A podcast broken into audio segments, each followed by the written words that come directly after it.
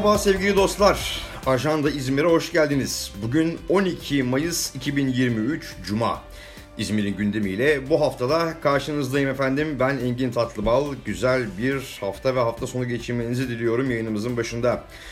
Hayret ki ne hayret. Seçim ve siyasetle başlamayacağım bugün. Üstelik demokrasi tarihim, tarihimizin belki de en kritik seçimine sadece iki gün kalmışken ama bence, bence seçim kadar önemli bir başka konudan bahsederek başlayalım istiyorum bu hafta Ajanda İzmir'e. Bu aralar toplu ulaşımda metro veya tramvayı kullanan İzmirliler sürücülerin ve diğer görevlilerin sivil kıyafetle çalıştığını fark etmiştir. Ee, bu bir eylem. Ne eylemi? Metro çalışanlarını temsil eden sendikayla işveren durumundaki Büyükşehir Belediyesi arasındaki toplu iş sözleşmesi görüşmeleri tıkanmış durumda. Ee, İzmir metrosu ve tramvayında toplam kaç kişi çalışıyor? Biliyor musunuz dostlar? Her gün 1 milyon İzmirliyi taşıyan bir sistemi kaç kişi çeviriyor olabilir? Hemen söyleyelim 625 kişi. Evet her gün 1 milyon İzmirliyi taşıyan sistemin güvenliği, bakımı, emniyeti her şeyi bu 625 kişide. Peki belediyede maaşlar iyi diyoruz. Ee, ortalamaya bakıldığında nispeten de bu doğru tabii. Ancak burada metro özelinde konuşuyorum. Metroyu bize sunan 625 kişinin 250'si asgari ücret alıyormuş.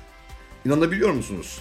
700 volt elektrikle çalışan ve yer altından giden bir sistemin güvenliğini, emniyetini, sağlığını, her şeyini sağlayan 250 kişi asgari ücret alıyor. Bunu kim diyor? Bunu Demiryolu İş Sendikası İzmir Şube Başkanı Hamdullah Giral söylüyor.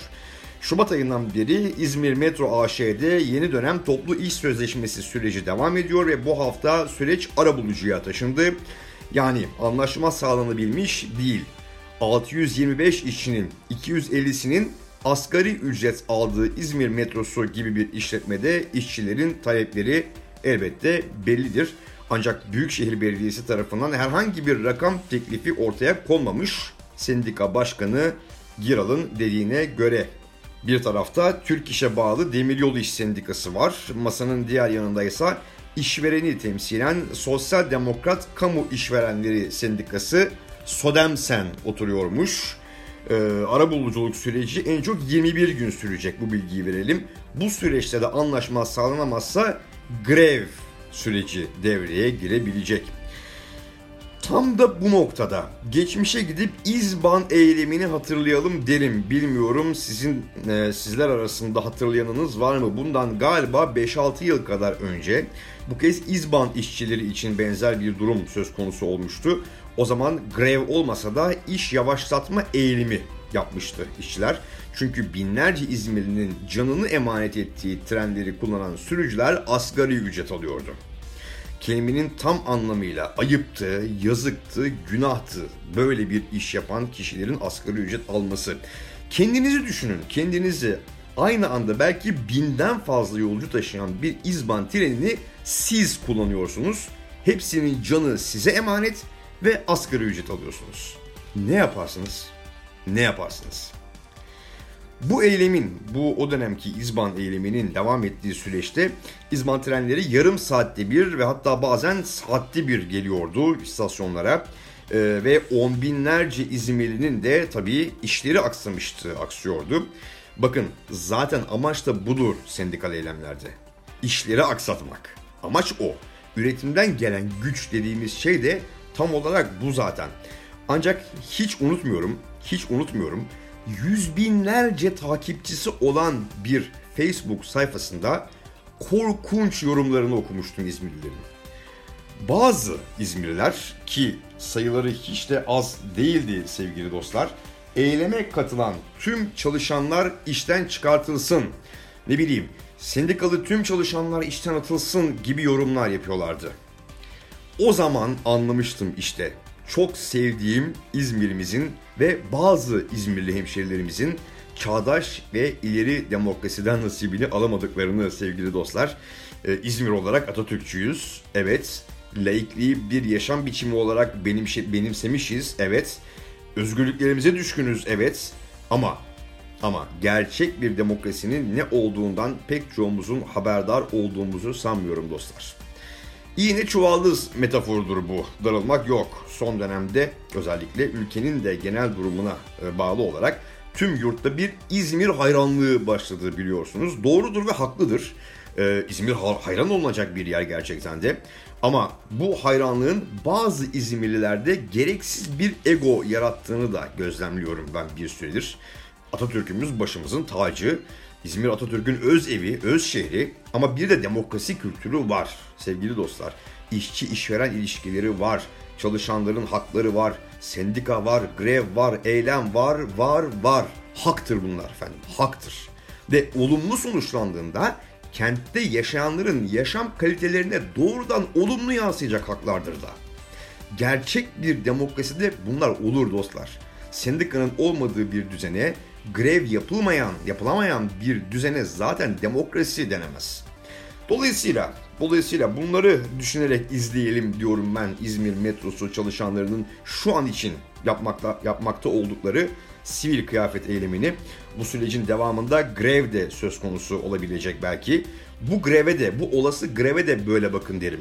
Çünkü demokrasi kültürü bunu gerektiriyor. İşte bu nedenle de seçim kadar önemli bir konu dedim buna ben başlangıçta. Bu kültürü, gerçek bir demokrasi kültürünü içselleştirebilirsek tarihimizin en kritik seçimi gibi şeyleri de zaten yaşamayız. Hollanda'nın, Danimarka'nın, ne bileyim İsveç'in duydunuz mu tarihlerinin en kritik seçimini falan yaşadıklarını? Duymadık. Yok çünkü. İnşallah biz de o seviyeye geliriz diyorum. Diyorum da işte bilmiyorum nasıl olacak bu işler. Hayret değil mi? Gerçekten seçimle başlamadık. Ama tabii ki seçimle devam edeceğiz. E, çünkü e, iki gün kaldı sadece. Bu hafta seçime iki gün kala değil ama beş gün falan kala bu hafta Buca'da bir tantana koptu. En çok konuşulan konu da buydu e, İzmir siyasetinde geçtiğimiz hafta. Buca Çamlıküre'de Kemal Kılıçdaroğlu'nun posterlerinin asılı olduğu bir kahvehaneye taşlı sopalı saldırı düzenlendi. Hafif yaralananlar oldu ama can kaybı yaşanmadı çok şükür. Olayın tek güzel tarafı belki de Saldırının ardından AKP İzmir İl Başkanı Bilal Saygılı ile CHP İzmir İl Başkanı Şenol Aslanoğlu'nun bir araya gelip yan yana açıklama yaparak tüm tarafları birlikte itidalli ve sakin olmaya davet etmeleriydi diyebiliriz. Ee, ancak olayın devamında da bir takım vukuat var. Çamlıkule kahvehane saldırısının AKP'li milletvekili adayı Savcı Sayan tarafından organize edildiği iddia edilmişti. Hani şu rahmetli Deniz Baykal'ın bir zamanki sağ kolu olan Savcı Sayan. Baykal istifa ederken hatırlarsınız yapma itme diye ağlayan zat. Sonra AKP'ye geçti biliyorsunuz. Kahvehane olayından iki gün sonra Savcı Sayan'ın seçim otobüsü saldırıya uğradı bu kez. Ee, saldırganların PKK sloganları attığı iddia edildi ama bunu kanıtlayacak somut bir veri yok. Tıpkı Çamlıkule saldırısını Sayan'ın azmettirdiğine yönelik somut bir e, veri elimizde olmadığı gibi. Ama ama bütün gerilimine, bütün kargaşasına, bütün tarihimizin en kritik seçimi gazlamalarına rağmen İzmir özelinde konuşuyorum tabii ki. Vurdusuz, kırdısız bir süreç geçirmiş olmamızı da hayret uyandırıcı bir diğer unsur olarak görüyorum ben açıkçası. Ulaşıma ilişkin iki notumuzu aktaralım, iki güzel gelişmeyi aktaralım. Birincisi İzmir metrosunun biraz önce e, iş yavaşlatma affedersiniz sivil kıyafet eğiliminden bahsettiğimiz İzmir metrosunu Fahrettin Altay Narlıdere etabında deneme seferleri başladı. E, 7 kilometre daha uzuyor metro hattı ve sisteme 7 istasyon daha ekleniyor. Bu hat en çok Fahrettin Altay trafiğini rahatlatacak zira dostlar.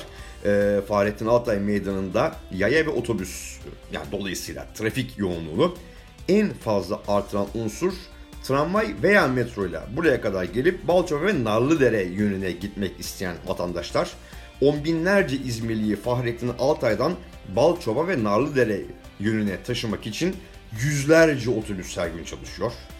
Şimdi bu otobüslerin yoğunluğu meydandan kalkacak metro ile birlikte. Belki İnciraltı dönemici veya Narlıdere şehitlik bölgesine kayacak bilemiyorum oradaki düzenlemenin nasıl yapılacağını. Ama tabii sonuç olarak bu da Fahrettin Paşa Meydanı'nı Fahrettin Altay Meydanı'nı ciddi ölçüde rahatlatacak diye düşünüyorum ben. Ee, Narlıdere metro hattının Eylül veya en geç Ekim ayında açılacağı söylüyor ee, Büyükşehir Belediye Başkanı Tunç Soyer. Bir diğer güzel gelişme ise Buca Bornova yolu ile ilgili. Buca Bornova yolu nedir diye soranlarınız belki vardır. Ee, adı üstünde Buca'yı Bornova'ya bağlayan ve hatta aslında Konağı Bornova'ya bağlayan bir alternatif güzergah olacak. Ee, yıllardır e, hevesle beklediğimiz bir e, yol bu. Otogara en son ne zaman gittiğiniz bilmiyorum ama birkaç yıldır otogarın önünde bir viyadük inşaatı sürüyor. Gittiğinizde belki gözünüze çarpmıştır ve hatta bu viyadük inşaatının yarattığı keşmekeş nedeniyle de otobüsünüzü kaçırma telaşı da yaşamışsınızdır belki. Bu telaş şimdi artık bitecek. Çünkü bu viyadükler tamamlandı ve ulaşıma açıldı. Aslında bu konak meydanını doğrudan otogara ve hatta Bornova'ya bağlayacak alternatif bir yolun ikinci aşamasını oluşturuyor. Konak AKM önünden başlayan konak tünelini düşünün e, ve çıkışındaki uçan yolu düşünün. Uçan yoldan yukarı doğru devam ettiğinizi düşünün efendim. E, Onat Caddesi'ne doğru. E, NATO'ya doğru değil. Onat Caddesi'ne yukarıya doğru. E, bu Onat Caddesi önünden gelecek ve Altındağ'a kadar uzanacak olan bir tünel olacak. E, bu tünel e, de inşaatı sürüyor bu tünelin. Üçüncü aşamada ya bu ikinci aşama olacak bu tünel. E, bu yolun üçüncü aşaması da inşaatı süren tünel çıkışını viyadüklerle çevre yoluna ve oradan da e, trafik hastanesi üzerinden Evka3'e ve Bornova'ya bağlayan yol ki bitirilen ve açılan yol işte bu yol. Tamamı bittiğinde bu anlattığım güzergahın tamamı bittiğinde Konak'tan Bornova'ya ulaşım için çok güzel bir alternatif e, güzergah olacak. Ve e, öyle tahmin ediyorum ki merkezde de trafiği bir nebze olsun e, rahatlatacak bu yatırım. Bir an önce tünelin de bitirilip bu hattın e, tam kapasite hizmete açılması İzmirlilerin e, İzmirlilerin e, gündelik yaşamdaki yaşam kalitelerini çok doğrudan etkileyecek bir unsur olacak. Futbol ile bitirelim. Ee, seçimden önceki yine futbol ve seçimi de e, aynı anda kullandım bu kelimeleri de. Seçimden önceki son ajanda İzmir'i futbolla bitirelim diyelim. Ee, Göztepe ile tabii başlayacağız. Ee, bu arada ben Göztepe'liyim diye Göztepe ile başlamıyorum. Ee, şu anda İzmir kulüplerimizin, İzmir'deki futbol takımlarının e, liglerdeki sıralamasında en üst sırada, en iyi durumda kim varsa onunla başlıyorum efendim. Dikkatinizi çekmiştir. E, bu sıralamayla gidiyorum. Mesela bugün Göztepe ile başlayacağız. Altay ile devam edeceğiz. Sonra Altınordu'dan bahsedeceğiz. En son Karşıyaka'dan bahsedeceğiz. İnşallah bir gün diğer takımlarımızdan biri de e, daha üst noktaya gelirse e, o takımı anlatarak başlayacağız. Bu konudaki e, eğer kafanıza takılan bir hani sizi gıcık eden bir nokta varsa e, bunu da bu şekilde açıklığa kavuşturmuş olalım. Manisa FK ile deplasmanda 1-1 berabere kaldı Göztepe geçen hafta e, ve bu sonuçla playoff hattında e, kaldı kaybetmediği için. Kaybetse de aslında çıkmıyordu ama e, iyi oldu. Salı günü Rize Spor ile çok önemli bir maça çıkıyor. Göztepe kazanırsa playoff'u garantileyecek. Ama Rize Spor kazanırsa da ligi ikinci bitirip doğrudan Süper Lig'e çıkmayı garantileyecek. Yani hakikaten çok sıkı maç ve ve Gürsel Aksel'de oynanacak bu maç. Sadece iki takım için değil, ilk dörtteki diğer iki takım olan Sakarya Spor ve Pendik Spor için de çok önemli bir maç Göztepe Rize Spor maçı. Çünkü Göztepe kazanırsa ve Sakarya ve Pendik'te rakiplerini yenerse kimin ikinci olup doğrudan Süper Lig'e yükseleceği meselesi son haftaya kalmış olacak. Rize kazanıp Süper Lig'i garantilerse de Göztepe'nin playoff'a kalabilmesi için son hafta deplasmanda Bodrum Spor'u mutlaka ve mutlaka yenmesi gerekecek. Dolayısıyla Göztepe bu işi bu hafta bitirmek istiyor. Göztepe bu işi bu hafta bitirirse kimin ikinci olacağı ile ilgili de önümüzdeki hafta son hafta gerçekten e, ortalık biraz karışacak. E, Altay'la devam edelim. E, Altay geçtiğimiz hafta Denizli Spor'u 3-0 yenerek ligde kalmayı garantiledi. Bu hafta maçı yok Altay'ın. Bay takım olarak geçirecek bu haftayı Altay. Ama zaten bir anlamı da kalmadı artık. Ligin başında koydukları hedefe ulaştı siyah beyazlar. O dönemki teknik direktörleri Sinan Kaloğlu ligin başında daha hiçbir maç oynanmadan açıkça söylemişti Hedefimiz küme düşmemek diye. Gerçekçi bir açıklamaydı bu. Nitekim öyle de oldu. Altay elinde avucunda ne varsa kullandı ve ligde kalmayı da başardı. Önümüzdeki sene tekrar TFF 1. Lig'de izleyeceğiz Altay'ı. Üst tarafta Göztepe Rize Spor maçı ne kadar e, önemliyse en az bu, bu maç kadar önemli ve heyecanlı bir diğer maçta ligin dibinde oynanacak. Altınordu Erzurum spor maçı var yine salı günü. Denklem basit aslında. Altınordu kazanırsa Altay gibi küme düşmemeyi garantileyecek. Berabere kalırsa veya yenilirse işi son haftaya kalacak ve çok çok çok zorlaşacak işi şeytanların. Ee, kısacası sadece Göztepe ve Altınordu için değil, ligin geneli için TFF 1. Lig'in son iki haftası e, gerçekten çok heyecanlı bir hal aldı. Sevgili dostlar izlemeye değer diyorum eğer futbol merakınız varsa. E, ve belki Süper Lig'i takip ediyorsunuz ama TFF 1. Lig sadece İzmir takımları özelinde değil, e, ligin geneli içinde hakikaten e, heyecanlı ve takip edilesi bir halde. Karşıyaka ile bitireceğiz. Karşıyaka geçen hafta 3. Lig 1. grubun lideri Mersin İdman Yurdu'na 1-0 yenildi. Ee, kötü gidişat var Karşıyaka'da. Bu haftada lig ikincisi Kütahya Spor'u konuk edecek Yeşil Kırmızılılar. Eğer kazanırlarsa, kazanırsa Karşıyaka ilk 6 yani playoff şansını ligin son haftasına bırakacak. Ama puan kaybederse yani yenilirse veya berabere kalırsa geçmiş olsun. Ee, bu yolda 3. ligi aşamamış olarak devam edecekler. Açıkçası camianın heyecanını yitirdiği anlaşılıyor efendim Karşıyaka'da gördüğümüz kadarıyla. Bu durum üzücü tabii. Bu arada eski başkan Cem Karaca'nın, EPSO başkanlığına da aday olan Mustafa Karabağlı'nın ve eski basketbol şube başkanı İlker Ergül'ünün aralarında olduğu bir konsorsiyum diyelim tırnak içinde e, Karşıyaka yönetimine talip olduklarını açıkladılar. Bir otelde düzenledikleri basın toplantısıyla izleyip göreceğiz Karşıyaka'da neler olacağını önümüzdeki süreçte. Bu haftada Ajanda İzmir'i bitiriyoruz. Bu haftaki Ajanda İzmir 14 Mayıs 2023 Pazar günü yapılacak Cumhurbaşkanlığı ve Milletvekilliği genel seçiminden önceki son yayınımızdı. Çok fazla seçim üzerinde durmadığımı ma dikkat etmişsinizdir. Çünkü artık üzerinde durulacak bir hal kalmadı efendim. Her seçimde yaptığımız gibi gidip oy vermek mecburiyetindeyiz.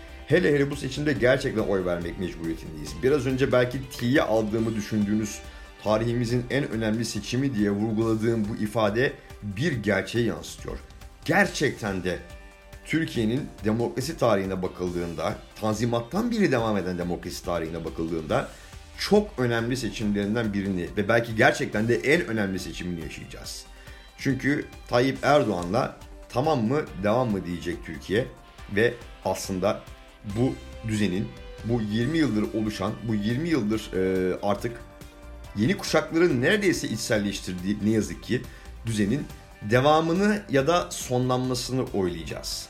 Ne düşünürseniz düşünün efendim. Yüreğinizin sesini dinleyin.